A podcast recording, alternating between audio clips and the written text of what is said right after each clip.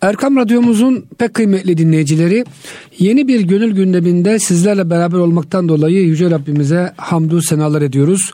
Profesör Doktor İrfan Gündüz hocamızla beraber bu haftaki gönül gündeminde Mevlana Hazretlerini anlatmaya devam edeceğiz. Geçenki programımıza daha çok Mesnevi tanıtmıştık. Hocam bu haftada birazcık Mevlana'ya girsek. Mevlana Hazretleri'nin e, yaşadığı dönem ve e, şahsiyeti, tasavvufi kimliğini biraz tartışsak diyorum. Evet Süleyman'cığım çok teşekkür ediyorum ve dinleyicilerimize de saygılarımızı sunuyoruz. Kendisi bir defa Mesnevi tarif ederken Mesnevi ima dükkanı vahdet est. Bizim meslemimiz vahdet dükkanıdır diyor, birlik dükkanıdır. Her şey bini gayrı an vahid bu test. Eğer diyor bunun hmm. dışında ne bir şey görürsen bil ki o puttur diyor. Yani Mesnevi tamamen e, Kur'an-ı Kerim'in ya da hadisi şeriflerin yorumlarını yapan, şiir diliyle yapan, şiirin bir dille yapan bir kitap. Şiir ve şiirin dediniz değil mi hocam? Evet. Şiir dili ve şiirin bir dille. O yüzden zaten Abdurrahman-ı Cami, Mevlana Abdurrahman-ı Cami ne demiş? Men çekuyem vasfı an ali cenab, nist peygamber veli daret kitap.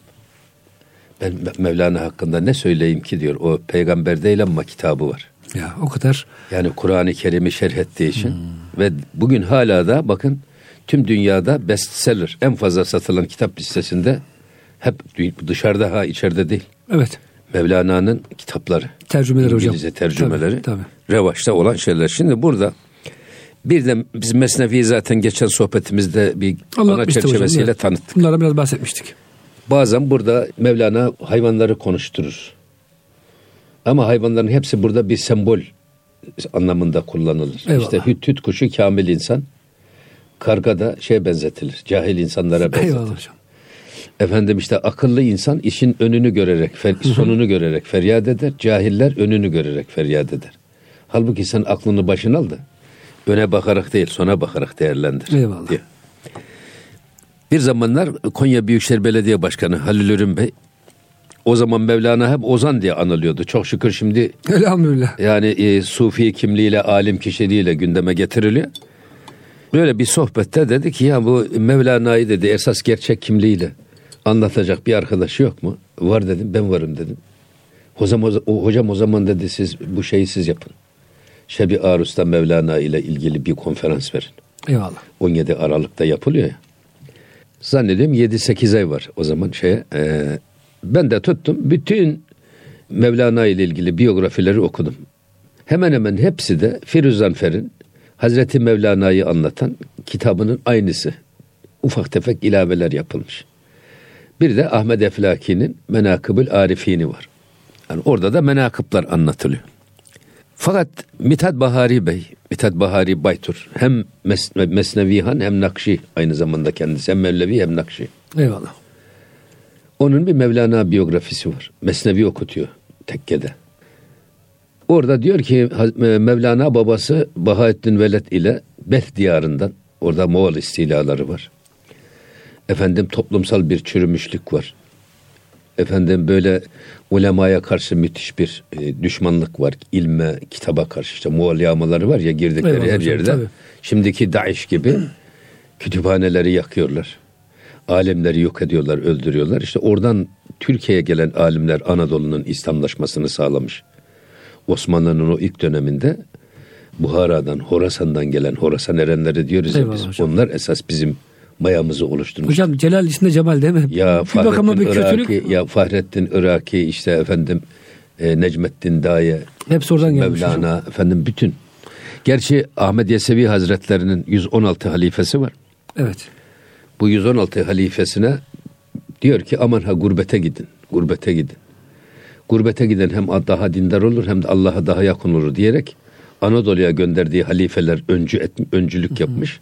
Fakat sonraki bu ulema da beslemiş bu işi. Hocam bu Necmettin Daye'nin biliyorsunuz çok güzel bir eseri var. Mirsadül İbad. Ben onun girişinde evet, okumuştum. Evet. Çok diyor araştırdım diyor. Sağa sola baktım nereye gideyim. Bu Anadolu insanı diyor hem ehli sünnet hem Hanefi hem de ulemayı sever diyor. O yüzden diyor hocam burayı tercih ettim diyor. Elhamdülillah evet. hocam bugün de memleketimiz aynı rolü oynuyor maşallah. Elhamdülillah. Dünyanın her tarafından daralan Müslümanlar Suriye'den, Filistin'den, Kafkaslardan, Çin'den hocam oradan buradan kaçan yine hamdolsun memleketimize geliyor. Ee, sağ olsun milletimiz hem ilme hem ilim adamlarına hem de hocam muhacirlere karşı Böyle bir şeysi yok mu yani sizce? Bir, değil mi? Kahramanlığı, O bizim fedakarlığı. Genlerimizde var, kültürümüzde var. Şeysi var bunlar yani. Şimdi hocam bütün Avrupa 200 bin Suriyeli almış mesela. Türkiye'de ne kadar var? Allah razı olsun yani. Ama biz, destek verenlerden. biz tabii şeyiz, e, ensar konumundayız. Onlar muhacir konumundalar. Allah hiç kimseyi vatanından, milletinden, yerinden, yurdundan etmesin. Hocam kim memleketin bırakır da keyfine gider? Evet. Değil mi? Şimdi e, burada esas Evet. e, şun neden, nereden buraya geldik? Biz Mevlana da Niye bu, gelmiş? bu Türkiye e, böyle bir sıkıntılı coğrafyadan Anadolu'ya doğru hicret etmeye karar vermişler. Babasıyla beraber gelirken e, Şam'a uğruyorlar. Şam'da Muhyiddin İbnül Arabi Hazretlerini ziyaret ediyorlar. Orada kalıyorlar biraz. Muhyiddin İbnül Arabi Bahattin Veled'e diyor ki Fütuhat'ta Fütuhat-ı Mekkiye'de aman ha diyor Sultan Veled Sultan Bahattin Veled bak bu küçük Celaleddin'e dikkat et 12 yaşında Feritun Attar değil mi? Özür dilerim ama. yok yok Ha, İbnül Arabi Feritun Attar'ın da hocam öyle bir şey vardı acaba. yok Muhyiddin İbnül Arabi bu bu Bahari Bey'in kitabında da eyvallah hocam. anlatıyor. Bu Celaleddin'e dikkat et diyor. Kendisi e, Hazreti Davud'un kademi üzere bir veli olacak. Sonra e, Yasin suresinin ve, e, sırrına masar olacak. Ve Muhammedi feyze nail olacak. Dikkat et bunun diyor şeysine geleceğine diyor. Eyvallah. Sonra Allah'a ısmarladık der giderken tabi babası önde Mevlana arkada Hazreti Pir.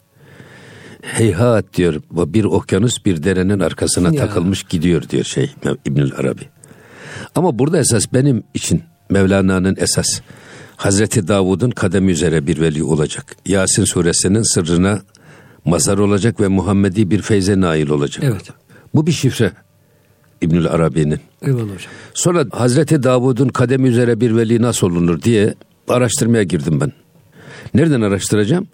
İbnül Arabi'nin Fususel Hikam. Eyvallah. Bugün dahi aşılmamış peygamberler tarihidir benim kanaatimce.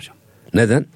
Bu Fususel Hikam Hazreti Adem Aleyhisselam'dan Efendimiz'e kadar gelen bütün peygamberlerin peygamberliklerini, zamanlarını, peygamberliklerinin hususiyetlerini, Metotlarını. efendim metotlarını bunları Kur'an-ı Kerim'den ayetlerle delillendirerek açıklamış. Biraz eleştirel de bakıyor hocam zaman zaman. Tabi İlginç yani, şimdi mi? tabi şimdi e, Hazreti Davut faslını açtığımız zaman orada aşağı yukarı 12 ayetle Hazreti Davud Aleyhisselam 12 ayeti delil göstererek tanıtıyor.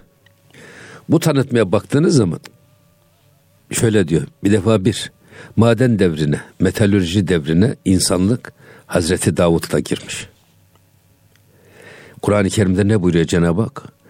Elinde biz demiri su gibi akıttık. Elen ve eselne. hadid ediliyor mu hocam? Ve elenna o yumuşattık. Yumuşattık. Bir de ve eselna var. Hmm, su Elinde gibi demiri su gibi akıttık. Yani madeni eritip ya da ayrıştırıp bakın o içerisinden bakırı çıkaracaksınız, demiri çıkaracaksınız. Sonra bunları eriteceksiniz. istediğiniz kalıplara dökeceksiniz. Sonra zırh dokuma sanatını öğrettik. Bak maden devrine insanlık Hazreti Davud Aleyhisselam'la girmiş. Hocam antiparantez esasında bütün mesleklerin İbn Arabi de bunu Mevlana özür dilerim Mevlana bunu söylüyor hocam. Bütün mesleklerin aslı peygamberlerdedir. İnsanlar da bunların üzerine biraz daha ilave yapmıştır, geliştirmiştir diyor. Yani Amenna. terzilikti, Hayır, gemicilikti, hayır zaten e, biz medeniyet tarihinin kilometre taşları diyoruz buna. peygamberlerimiz. Mesela çiftçilik Hazreti Adem'le başlamış. Kabil'le Habil hani kargaya bakmışlar ya. o gölleri. Evet.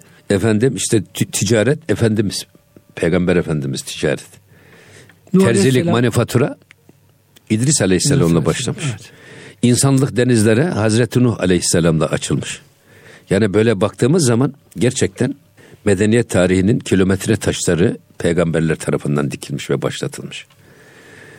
Şimdi burada Davud Aleyhisselam hocam dönelim. Tabi Davud Aleyhisselam'a dönüyoruz. Davud Aleyhisselam demek ki bir özelliği katı, katı böyle demir gibi madenler eritip kalıplara dökmek. Buradan Mevlana'ya yansıması nedir derseniz bir Mevlana da en katı kalpli insanları en katı fanatik karşısındaki muhaliflerini bile tatlı dili efendim güler yüzü ve Şiir- güzel sözüyle eriterek onları irşad etmesi. Öbür taraftan bir şey daha var burada. İkincisi bu anlayış tevekkül anlayışını tetiklemiş. Mesela bizde tevekkül hiç çalışmayacaksın armut pişsin ağzımıza düşsün diye yukarıdan bekleyeceğiz. Yok böyle bir tevekkül.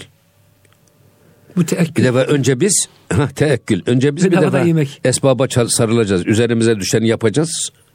Sonra diyeceğiz ki ya Rabbi bak ben kul olarak üzerime düşeni yaptım. Bundan sonrası vekilim, vekaletim sendedir demek tevekkül. Eyvallah. Bu yüzden Mevlana'nın tevekkül anlayışı farklı. O diyor ki tevekkül hiçbir şey yapmadan yapılan tevekkül değildir. O tembelliktir, o atalettir. Ama gerçek tevekkül Allah'a dayanarak yapılan iştir. Allah'ın gözü önünde yapılan iştir. Sebeplere güvenmeyip Allah'a İşin, güvenmek. işini yaparken, işini yaparken tevekkül edeceksin. Hmm.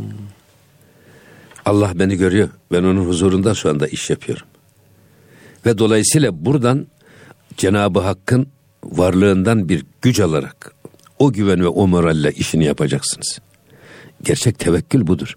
Buradan neye geliyoruz? Mesela Mevlana Selahaddin Zerkub ile gelirken gelmişler.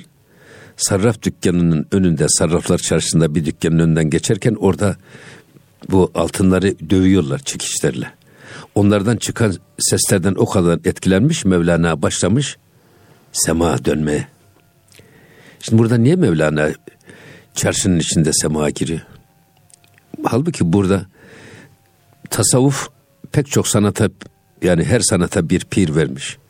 Her sanat ya bir peygamberin gölgesinde ya bir efendim e, sahabenin gölgesinde veya bir velinin gölgesinde yapılmış.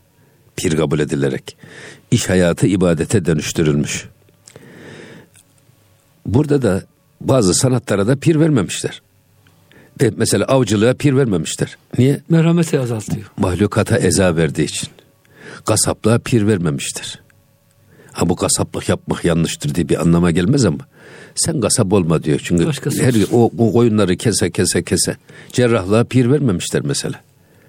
İnsan kese kese adam ha odun kesiyor ha insan bedeni kesiyor fark etmez hale geliyor. Sarraflığa da pir vermemişler. Neden? Bir, ölçü ve tartıda aşırı derecede hassasiyet istediği için. Dikkat etmek çok zor değil mi hocam? Çok zor. İki, bir de e, müşterisi genellikle hem bayanlar hem de zengin bayanlar olunca insanın ayak kayması daha kolay olur diye Tabii. daha fazla hanımlarla muhatap oluyor. O yüzden ona pir vermemişler. Ama Mevlana ne diyor? Geliyor nerede sema giriyor? Sarraflar çarşısında Eyvallah. ve sarraf dükkanının önünde sema giriyor. Eğer sen diyor derviş olacaksan dağ başında derviş olmanın bir anlamı yok. Gel sarrafçıların... Eğer gücün yetiyorsa gel çarşının içinde sarraf ol. Gel sarraf dükkanında derviş ol. Çok önemli bir bana göre mesaj. Hayatın içinde üretici olarak hani halvetler encümen Evet hocam. Nakşibendi tarikatının en temel prensiplerinden birisi. Topluluk içerisinde hayatın içinde olacaksın ama yalnız hakla beraber olacaksınız. Eliniz işinizde, gönlünüz oynaşınızda olacak. Zaten hocam bir beytinde dünya altın, gümüş, kumaş değildir. Evet. Dünya senin kalbin işte Allah'tan ne alıkoyuyorsa odur. Şey, Tabii. hocam altının gümüşün de dünya olmadığını söylemez. Belki buna da bir ufak Tabii tel, Telmih olabilir. Ee, Mevlana'nın bir özelliği de bu mesele. Dağ başında dervişliği değil, halveti değil. Ama celveti tercih etmiş. Onlardaki bin bir gün, bin bir gün süren çile de tekkenin içinde geçen bir süredir. Bir köşeye çekilip Hizmetle geçen bir süredir. Hizmetle geçen bir süredir. Şimdi bir başka özelliği Davud Aleyhisselam'ın diğer peygamberlerden farkı Davud Aleyhisselam şeriat sahibi. Yani hem dünyevi ahkam getirmiş Zebur'la hem de ahlak getirmiş, uhrevi ahkam getirmiş. O yüzden Davud Aleyhisselam'ın ismi Kur'an-ı Kerim'de halife olarak geçen ilk peygamber. Kendisine hikmet verdik, hilafet verdik diye. Yani hem dünyevi hükümlerle ahkam eder, hükmederek devlet kuracak hem de ahirete ait hem de ahlaka ait kaideler tanzim ederek bireysel ve toplumsal hayatı dizayn edecek. Şimdi e, buradan baktığınız zaman e, Mevlana'da hiç tek yönlü bir anlatım yok. Çok yönlü. Yani bütün Mesnevi'nin başından sonuna kadar. Gerçi anlatılan zaten Kur'an-ı Kerim. Sünnet-i Seniyye. Ama Kur'an-ı Kerim'in bütün yönüyle ele alındığı bir kitap. Bazen öyle oluyor ki bir hikayeyi anlatırken başka bir konuya geçiveriyor. Kur'an üslubuna çok Siz, benziyor ba- siz bağı koparıyorsunuz bazen. Sonra biraz sonra gidiyor gelelim bu meseleye diyerek tekrar evvele bağlantı Eyvallah. kuruyor. Şimdi belki de Kur'an-ı Kerim'in bana göre en büyük mucizelerinden bir tanesi de budur. Tevrat'ta ve İncil'de konular tasnif edilmiş. Kul yapısı gibi değil mi hocam? Biz insanlar tasnifi çok severek yapıyoruz. Evet tasnif edilmiş. Hılkatla ilgili ayetler burada. İşte efendim ahiretle ilgili burada. Ahlakla ilgili burada filan. Halbuki Kur'an-ı Kerim'de öyle değil. Kur'an-ı Kerim'de bakıyorsunuz bir konu Fatiha'da geçiyor, bir konu Nas'ta da geçiyor. Evet. Eğer siz o konuyla ilgili bir hamd konusuyla ilgili, Rab kelimesiyle ilgili bir hüküm ortaya koymak istiyorsanız bütün Rab kelimelerinin geçtiği ayetleri mutlaka titiz bir şekilde incelemeniz lazım. Çünkü her geçtiği yerde o Rab kelimesinin uzak ve yakın alakalı olduğu o konular ortaya çıkıyor. Siz de bu Rab kelimesiyle ilgili bir efradını cami ayarını mani bir değerlendirme yapmak istiyorsanız o zaman o Rab kelimesinin uzak yakın ilgi alanındaki her türlü bağlantılarını dikkat alarak bir değerlendirme yapmanız lazım ki o değerlendirmeniz muhteşem olsun. Yoksa bir ayette, iki ayetle ya şu ayette böyle söylüyor diyerek amel eden bazı e, yeni çıktı şeyler var. Bugün maalesef çok. Halbuki öyle değil. Siz o konuyla ilgili mesela akılla ilgili 287 yerde mi geçiyor akıl? 287 ayeti de gözünüzün önüne getirip aklın oradaki gerek öncesi gerek sonrasıyla bağlantılarını dikkat alıp ondan sonra akıl ile ilgili bir değerlendirme yaparsanız o değerlendirme doğrudur. Ayet ve hadislerden hüküm istinbat etmek istiyorsanız bu bir metottur. Mevlana'da da aynı böyle bir metot kullanılmış. Şimdi Mevlana'nın Zebur'u bir bir başka özelliği. Hazreti Davud Aleyhisselam'ın sesi çok güzel.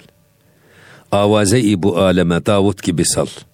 Baki kalan bu kubbede bir hoş seda imiş. Şimdi Hazreti Davud'un bir sesi güzel. O güzel sesiyle, o yanık Davudi sesiyle Zebur'u okuduğu zaman insanlar ve hayvanlar hemen etrafında dönmeye başlıyorlar. Bu yetmiyor. Ayet-i kerimede, Kur'an-ı Kerim'de. Evet. Dağlar ve ağaçlar da Zikre katıldı. Hazreti Davud'un bu okuduğu zeburdan etkilenerek aşka ve heyecana gelip sema etmeye başlıyorlar, dönmeye başlıyorlar etrafında. Şimdi buradan ne çıkıyor? Bugün semanın esas kaynağı bu. Yani sema nereden çıktı diyorlar ya bazıları. Semanın kaynağı bu. Dağlar ve taşların Hazreti Davud'un o güzel sesiyle okuduğu zeburdan etkilenerek dönmesiyle başlayan bir dönüş. Sema bu bunu temsil ediyor. Buradan aynı Davud Aleyhisselam gibi Mevlana da bir sesin güzelliğini kullanmış. Hazreti Davud Aleyhisselam'ın sesi çok güzel. İki, sözün güzelliğini kullanmış. Öyle güzel ifade ediyor ki bu ifadede de zannediyorum e, Farsçanın şiir dili olması onun tatlı söylenişi, üslubu bunda etkili olmuş. Yani öyle güzel ifadeler var ki bazen insan şey diyor mesela sine hahem şerha şerha esfirak tabeguyem şerhe derdi iştiyak. Şu güzelliğe bakın. Ya.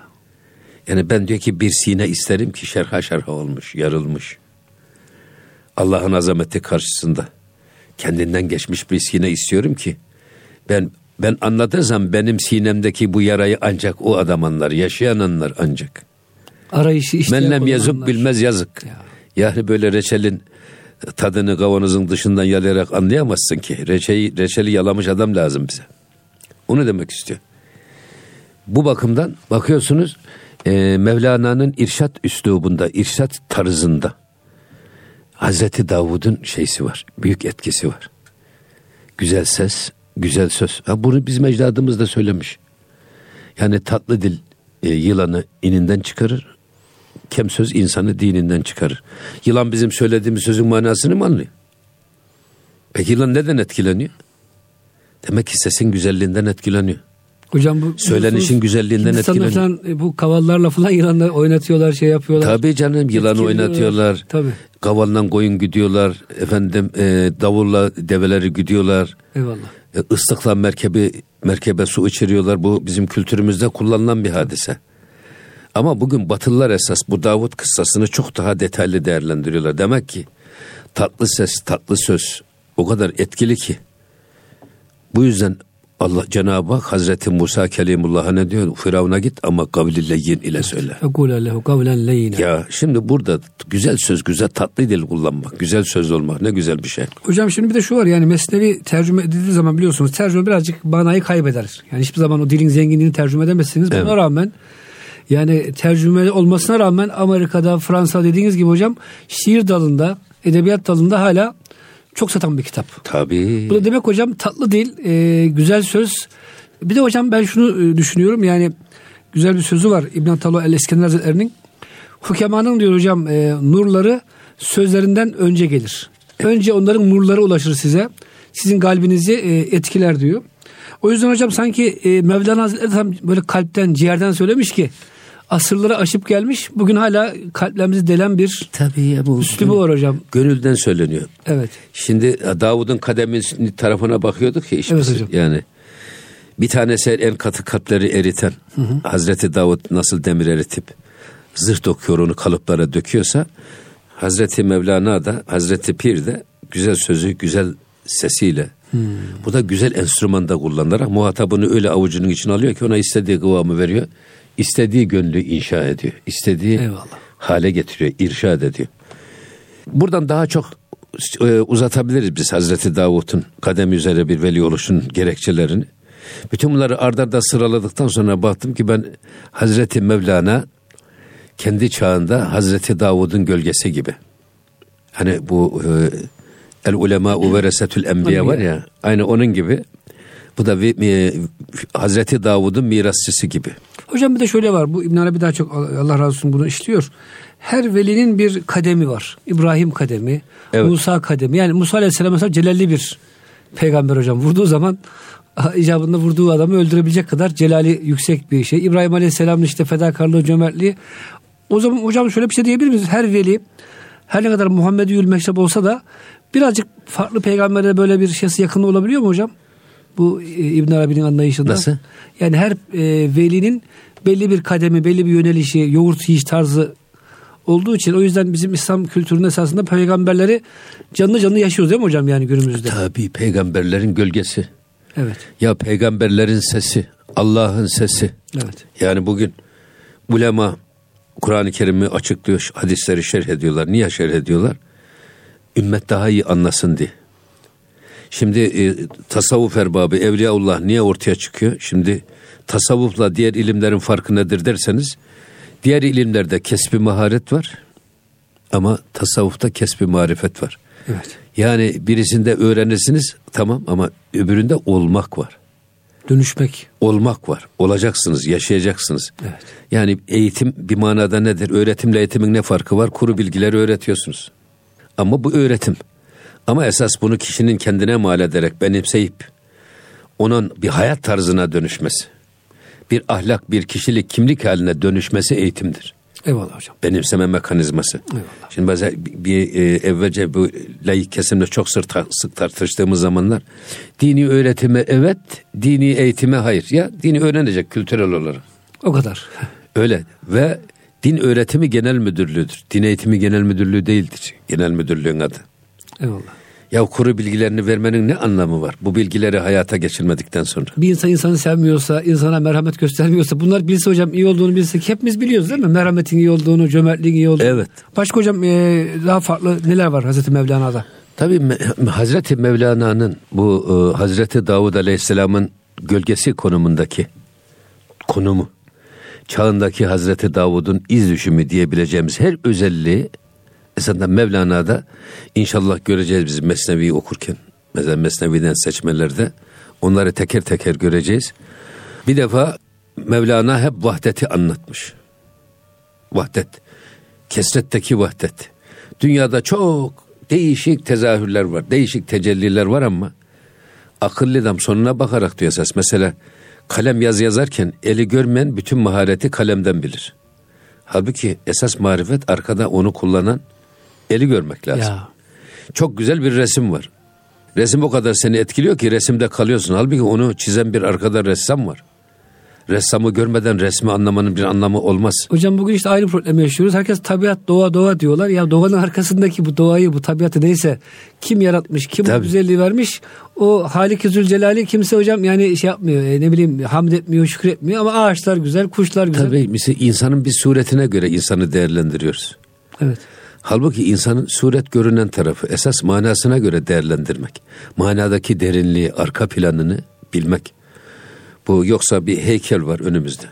Çok güzel yapmışlar. Damarlar bile belli ama hiçbir anlamı yok. Eyvallah. Yani öbür taraftan güzel bir işte e, manzara yapılmış. Bitki, çiçek filan. Görüyorsunuz ama ruhu yok. Bir şeysi yok. Esas ona değer veren esas mana yok.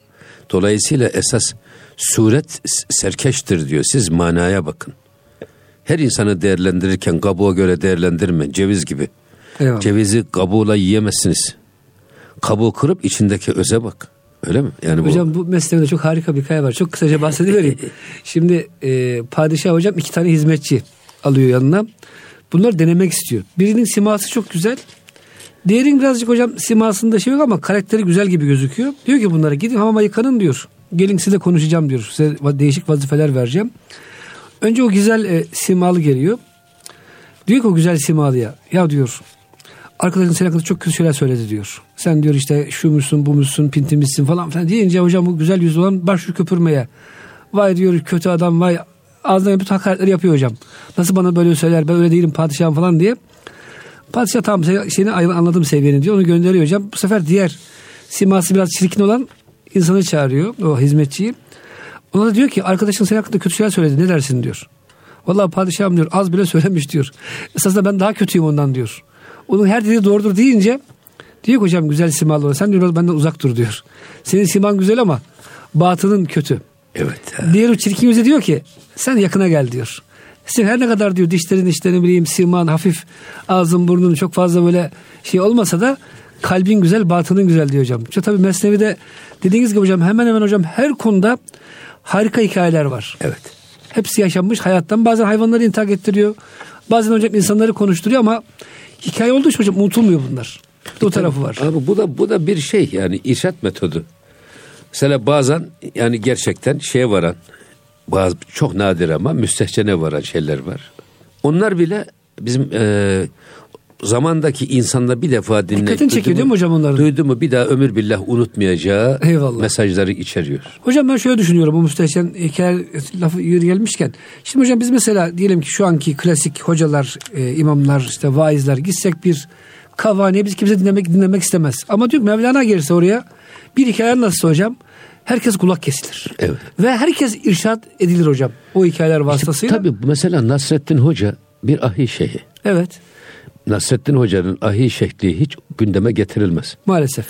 Nasrettin Hoca'nın da o usulü bir irşat Yani stili, bir tarzı, bir tarikatı, hocam değil mi? irşat usulü. Bir defa önce siz insanları eğer irşad etmek istiyorsanız önce muhatabınızı sevmeniz lazım. İki, saymanız lazım. Onu onur etmeniz lazım. Eyvallah. Ve kendinize güvendirmeniz lazım ki size güvensin, sizi sevsin, sözünüzü de sevsin. eyvallah. Düşüncelerinize de değer versin. Burada şimdi Nasrettin Hoca önde bir güldürüyor muhatabı. evet. Güldürdüğü mü adamı bir defa gardı düşüyor. Sizi seviyor yani. Savunması, savun, savunma mekanizması yok. Direnmiyor size karşı. O güldürdükten sonra da tam arkasından spot bir reklam cümlesi gibi bir şey koyuyorsunuz. Bir şey söylüyor. Söyledi mi? Onu bir daha dinleyen vatandaşın ömür billah Unutması unutması mümkün değil. Şimdi e, Nasrettin Hoca bir hanımla evlenmiş. Kendisi hocanın dördüncü hanımı. Hoca da kadının dördüncü kocasıymış. Şimdi akşam olunca işte hanımefendi başlamış benim birinci kocam Mehmet Efendi böyleydi. ikinci kocam Ahmet Efendi şöyleydi. Üçüncü kocam Mustafa Efendi şöyleydi. Sıra dört kendisine geliyor sen böylesin. Bu sefer hoca da başlıyor birinci, bizim birinci hanım Ayşe şöyledi. ikinci hanım Fatma şöyledi. Üçüncü hanım Zeynep böyledi. Sen de şimdi böylesin deyince hoca bir tekmeyi vurmuş. Boşamış hanım. Hanım da gitmiş mahkemeye demiş ki bu beni yanlış yere boşadı. Şimdi hakim soruyor niye boşadın? Hoca diyor. Hakim bey diyor. Biz bu benim dördüncü hanımım o da ben de onun dördüncü kocasıyım. Akşam geçtik. Bunun birinci kocası geldi diyor yatağa ikinci kocası geldi. Üçüncü kocası da geldi. Bir de ben varım dört. Yetmedi diyor. Bizim birinci hanım geldi, ikinci hanım geldi, üçüncü hanım geldi. Bir de bu var dört. Sekiz kişi. Sekiz kişi bir yatağa sığmaz hakim bey. O yüzden boşadım diyor. Şimdi bir bir anlayış stili. Bak işi kolaylaştırarak herkes muhatap olan herkesin doğru anlayabileceği şekilde konuyu ortaya koymak. Mevlana da bu konuda bir deha gerçekten. Öyle hocam ya. Mesela 700 sene geçmiş. Hocam bu dehaların arkasındaki o manevi nurları var değil mi? Yani E hem tabii. Hoca Efendi hem Nasrettin Hoca olsun hem Mevlana Ya olsun. şimdi biz zannediyoruz ki ya bu kelim şeyleri şiir yazarken biz kendimiz Oturmuş. yazdık zannediyoruz. Eyvallah. Kitap yazarken de yazdıklarımızı biz kendimizden biliyoruz. Halbuki gönlümüze doğan bir şey. Şunu şöyle yaz diyor içimizden bir ses bak. Ruhumuz yazdırıyor. Eğer gönül gönül olmazsa Ya. el oynayamaz. Gönülden bir şey gelmezse el kımıldayamaz. Oynasa da hocam faydası olmaz diye. Faydası olmaz. Ya. Dolayısıyla burada Mevlana'yı gerçekten bir aşk, bir heyecan, muhabbet insanı. Her şeyde sevgiyi ön plana koyuyor. Ve insanın gelişimini, manevi gelişimini, suretinin değil, manasının gelişimini hep ele alıyor. Manevi yönden insanı geliştirmeyi, yükseltmeyi. Burada geçen söyledik biz Mevlana'nın er temel felsefesine baktığımız zaman bir tanesi Eles bezminden biz gelmişiz. Alemi ervahtan yani cennetten dünyaya sadece Hazreti Adem ile Havva inmemiş. Biz de biz de gelmişiz, inmişiz. tabii. Bizim de ruhumuz dört ay efendim dört gün dört saatin sonunda ve nefahtü fihi min ruhiyle Allah'tan bir nefa bize giydirilmiş, verilmiş. Cennetten biz de inmişiz. Dünyaya gelmişiz. Bundan sonraki asıl görevimiz de kopup geldiğimiz aslımızı öz- özlemek. Hubbul vatan minel iman diyor Mevlana. Esas bu vatan sevgisi kopup geldiğimiz aslımızı özlemek. Ama hocam insan da gafil bir varlık. Yani genelde böyle bir özel gayret olmazsa e, geldiği vatanı çabuk unutmuyor mu hocam? Unutuyoruz değil mi yani? Unut işte. Eski köylerimizi unutuyoruz. Asimilasyon diyorlar ya. Akrabalarımızı hocam unutuyoruz. Asimi- komşularımızı. asimilasyon diyoruz ya. Öyle ya hocam. bir defa insanız. Gafil var. Gözden ırak olan gönülden ırak olur. Hocam sizin dediğiniz nisyan kökünden geliyor. Tabii gözde yakın olan gönülden de gönülde de yakın olur. Ya. O yüzden mühim olan o yakınlığı hiç kaybetmemek lazım. Tasavvufun belki hocam gayreti o yani. Tabii. Zikirle bizi hatırlatmak. Tabii bunları hatırlatmak.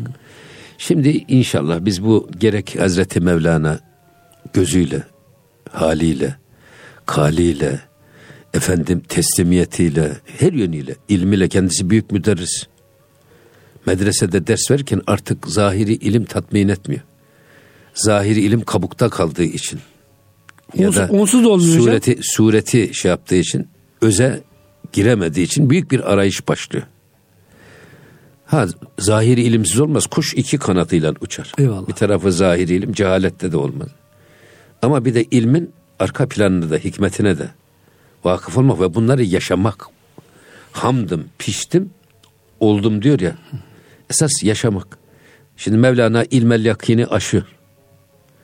Sonra işte aynel yakini aşıyor. Bak ilmel yakin, aynel yakin. Sonra hakkal yakin. Yakinin üç derecesi var. İlmel yakin akıl yürütmeyle biliyoruz biz. Bu zahiri ilim işte bu. Bugün çoğunluğumuz Aynel yakin seviyesi. görerek gördüğümüz şeyi biliyoruz. Ama bir de hakkal yakin var. Hakkal yakinle Tadarak. Şimdi yukarıdan biz bakıyoruz ki bir büyük bir duman çıkıyor ya orada bir ateş yanıyor. Bunu aklen hükmediyoruz. Varıyoruz yanına o orada bir e, patlama olmuş. Müthiş bir yangın var. Yangın ta yüzümüzü bile kavuruyor. Bu aynel yakin. Ama o ateşin içerisine girip yanmak var ya işte o hakkal yakin. Parmağımızı sokarsak. Hakkal yakin. Eyvallah. Dolayısıyla işte bu hakkal yakin olmak dediğimiz Allah'ın emir ve yasaklarının yaşanılır hale gelmesi, sıcak olması bizde.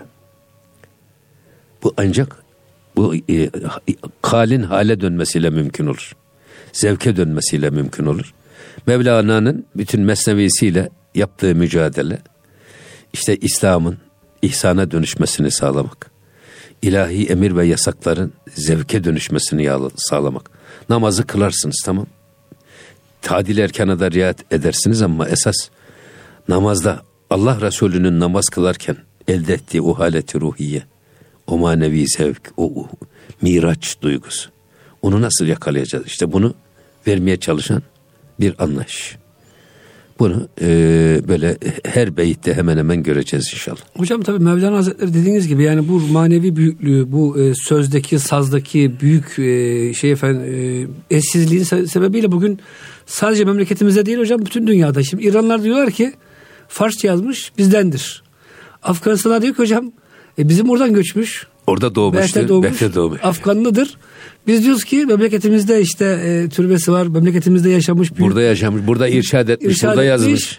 Hatta hocam Türkçe de bazı şiirleri var. Var evet, var. Biz diyoruz ki Türktür hocam yeni bir şey duydum onu da paylaşalım. Rumlar diyorlar ki ya Celalettin Rumi ne demek Rumi? Rum.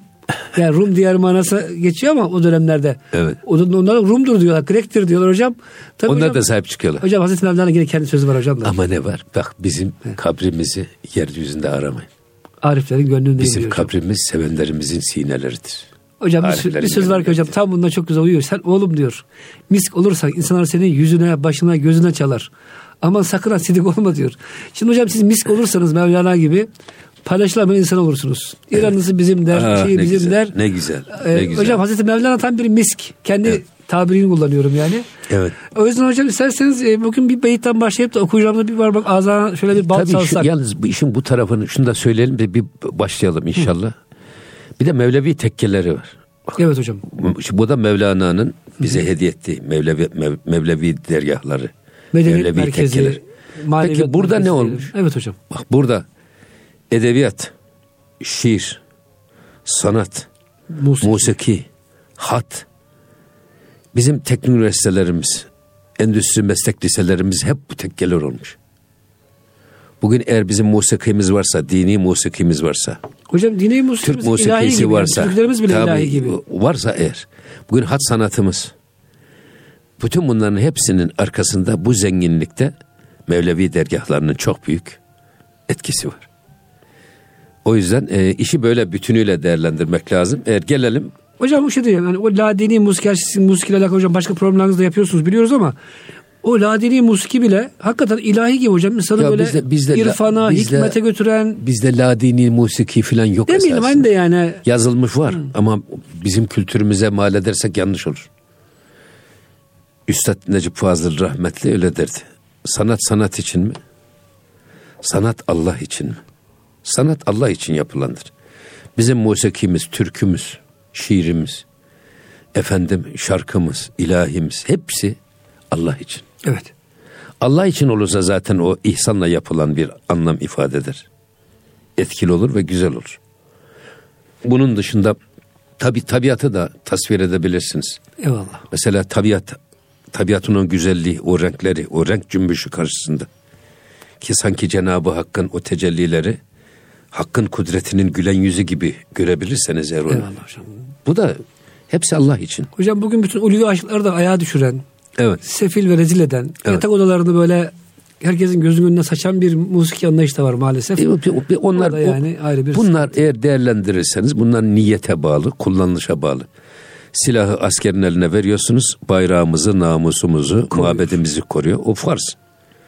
Ama işte adam caninin eline verirseniz o da haram. Yani buradaki in, ameller maksatlarına göre değerlendirilir. Eyvallah hocam. Gelelim şimdi Evet Mesnevi'ye bir besmele sabır- çekerek. Sabırsızla bekliyoruz hocam. Evet. İlk beytinden başlayalım da. Evet. Şimdi Dinleyicilerimiz rahat, rahatlasın hocam şöyle. Ne zaman Şimdi artık burada-? Evet. bir ilk beyt bişinev ezney çünkü e, şikayet mi kunet. Bak bişinev dinle. Neyden dinle? Çün şikayet mi kunet? Hep şikayet ediyor bu ney. Yani neyin gerçekten o e, yakıcı namesi efendim o nefes adamın içini kavuruyor. Hüzünlü bir Evet bir, tarzı şi- var bir mi hocam? şikayet. Sanki gurbetten şikayet, yalnızlıktan şikayet, çileden şikayet e, ediyor. Ez cüdayiha hikayet mi kunet. Esas ayrılığından ayrılığının hikayesini bize anlatıyor. Bir yerden kopmuş gelmiş. onu Şimdi bunu bizim e, Mesnevi Hanlar ki bizim kültürümüzde bazı şeyler icazetsiz okunmaz. İhya icazetsiz okunmaz. İmam-ı Gazali'nin İhyası. Buhari icazetsiz okunmaz. Şerh yani. Eyvallah. Okuyabilirsiniz ama şerh etme. Başkalarına anlatma yetkisi. Mesnevi Han icazetliği var. İcazeti var. Mesnevi, Mesnevi icazetsiz okunmaz. Mesnevi, Mesnevi Han icazetsiz olmaz. Şimdi burada bir şinev önce B ile başlıyor. Bu diyorlar ki bizim Mesnevi Han şarih veya da şarihlerimiz öyle diyelim. B ile başlaması Kur'an-ı Kerim neyle başlıyor? Bismillah. B ile Bismillah. Böyle başlıyor. Bu e, besmele ile başlamanın bir işaretidir. Ki B ile başlaması. Bir de bu B tabi Kur'an-ı Kerim müfessirleri de bütün ilim eğer bakarsanız her şey Allah'ın vahdaniyetinden kaynaklanmıştır. Bir. Bütün ilmin kaynağı işte bu bir tek noktadır. Noktadan ibarettir. Ya. Diğer bütün harfler o noktaların birleşmesinden meydana geliyor zaten. Kelimeler, cümleler, ayetler. O cilt cilt kitapların hepsi noktaları birbirine bitiştirdiğiniz zaman onlar ortaya çıkıyor. Eyvallah hocam. Ama parçalanamayan en küçük cüz'ünün adı ne? Nokta. Nokta. İşte burada e, bu B'ye dikkat ederek bir şinev besmele ile başlıyoruz. Sen de besmele ile başla mesnevi okurken demektir. Bundan sonra ne var? Besmele'yi çektik. Şinev iyi dinle. İmam-ı Gazali İhya Ulumiddin'in birinci babı talebül ilm babı. Talebül ilim babında birinci şart Dinle. tezkiye. Yok. Tezkiye-i nefs. İkincisi istima babı. Kulak verme. Mesela Mesnevi'de buna çok önem veriliyor. Şimdi göz mü üstün, kulak mı üstün? Bazı yerlerde diyor ki insan gözden ibarettir, gerisi leştir. Bazen de bu göz değil esas. Bu gön deliğidir. Senin işte göz dediğin iki damla yağ, kulak dediğin iki parça kemikten ibarettir. Başka bir göz var. İşin işte o feraset dediğimiz, basiret dediğimiz işin arka planını gören göz. Ama burada insan kulaktan ibarettir diyor. Kulağı olmazsa adam dilsiz olur. Kulağı olmayan adam cahil olur. Ölüm nereden öğrenecek ilmi? Tabii. Adam duymuyor. Gözü olsa da fayda etmez. Gözü oysa da fayda etmez. Ama hocam kulağı açıksa gözler ama olsa da Tabii hayır, Hafız da oluyor hocam. Hafız da oluyor, tabii. konuşuyor. Alim de şeyde- oluyor. Efendim eğer kulağı varsa konuşuyor. Alim oluyor, hafız oluyor. tabii. Hatta Cenab-ı Hak e, gözden gözüne vermemişse gözünün harcadığı enerji Allah kulağa veriyor, dile veriyor, ele veriyor. Vücudun bir başka tarafı çok daha Gelişmiş. hassas oluyor, gelişmiş oluyor. Ama burada gerçekten bir şinev derken bu mesnevi de iyi dinle bak, iyi kulak ver. Siz bir üstattan zevk almak istiyorsanız, bir şeyhten feyz almak istiyorsanız çok iyi dinlemeniz lazım. O yüzden bugün batıda, Japonya'da filan dinleme eğitimi veriliyor insana. Nasıl dinlenir? Bize bu Babül İstima diye açıklanıyor. İyi kulak ver. Dersi derste öğren. Dikkat et. Kulak misafiri ol. Yani kulağını iyi kullan ve kulağını ver. Dikkatle dinle. Yoksa yani burada kalıbın burada dinliyor ama kafan ve beynin başka yerlerde dolaşıyorsa ne Mesnevi'den feyz alabilirsin, ne Hoca Efendi'den feyz alabilirsin, ne Şeyh'ten feyz alabilirsin. Hocam bugün hepimiz yani siz de eğitimci oldunuz. Daha devam ediyor tabii eğitimcilik hocam bir şeyiniz. Bizim Evet. de içindeyiz. Hocam en büyük sıkıntımız talebe dersi dinlemek istemiyor. Hocam bu cep telefonları çıktı ya şimdi. Herkesin gözü cep telefonunda bu sanal alemde. Gerçek alemi bırakıp böyle bir yalancı alemde insanlar sohbet etmek istiyor tanımadığı insanlarla. Gözü haberlerde gelen mesajlarda maalesef hocam bu dinleme konuşmak hocam daha kolay nispeten. Siz bir şekilde konu- ağzı olan hani Konuşuyor. konuşuyor derler ya hocam. Ama hocam dinlemek dediğiniz gibi gerçek bir eğitim. Tabii. Çok, Hocam karı kocasını dinlemiyor, koca hanımını dinlemiyor, çocukları dinlemiyor. Hocam iletişimsiz toplum olduk. Esasında yani bu cümle üzerinden bir kitap yazılır. kitap yazılır tabii yani burada dolayısıyla yani dinlemek bir de iyi dinle. Dinlemesini iyi öğren. Dinlemesini bilmeyen öğrenmesini de bilemez. Bak öğrenemez. Sonra iyi dinle bak bu neye dikkat et. Bu neyi iyi dinle.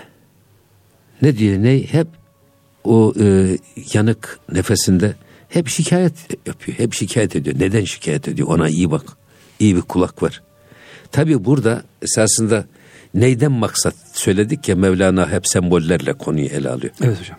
Şimdi e, sembolizmi de burada bir kısaca tanıtmak lazım. E, bütün kültürlerde esasında sembolizm var. Yani belli kelimelere bir mana yüklüyorsunuz.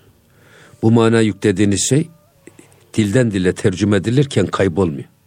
Islah diyoruz ya biz ona. Eyvallah hocam. Şimdi mesela apple, elma, tüffah alma, elma hepsi de aynı bunların. İngilizcesi işte Kazakçası şu bu. Siz bunu Arapçası. Bunları siz elmayı ister tüffah deyin, ister apple deyin, isterse alma deyin hiç fark etmiyor. Almaya yüklenen manayı dilden dile aktarırken evet. aynı an, mana bütünüyle taşınıyor ve bir eksilme olmuyor. O yüzden sembolizme ihtiyaç duyulmuş. Burada da neyi esas insana benzetiyor Mevlana. Ne nereden koparılmış? Kamışlıktan koparılıyor.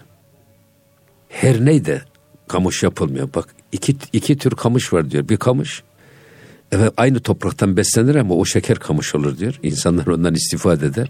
Ama öbürü de aynı topraktan istifade eder ama o dinlemesini bilmediği için diyor o içi kof bir kamış olur hiçbir işe yaramaz. Eyvallah hocam.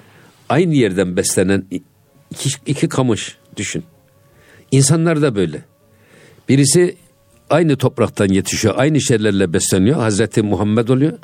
Birisi aynı topraktan besleniyor, aynı yerden besleniyor, aynı sülaleye mensup. Ebu o Ebu Cehil oluyor. Ya, ne acı.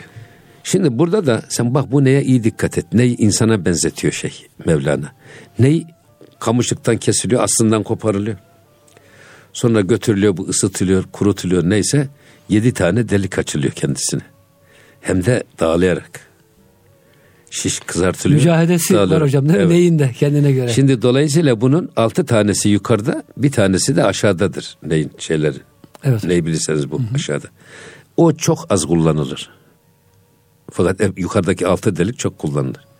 Aynı insanda da hep altı tane delik, yedi tane delik var. Altısı üstte. Biri altta. Böyle, biri altta.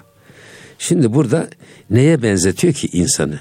İnsanlar da hep şikayet ediyor. Daha ben Hamd eden adama çok az rastladım. Çok az hocam. Fegalilü min Adam zengini de şikayet ediyor. Fakiri de şikayet ediyor. Hepsi kes şikayet ediyor. Hastası da sağlıklısı Hastası da, da sağlıklısı hiç da hiç kimse hayatından memnun değil. Maalesef. Neden? Eğer biz Arayış ne esasında Allah şükür var ya şükür. Şükür hayatı şeker gibi yaşamaktır. Ah biz bir şükretmeyi bir öğrensek. Allah'a teşekkür etmeyi öğrensek. Kuluna teşekkür etmeyi öğrensek.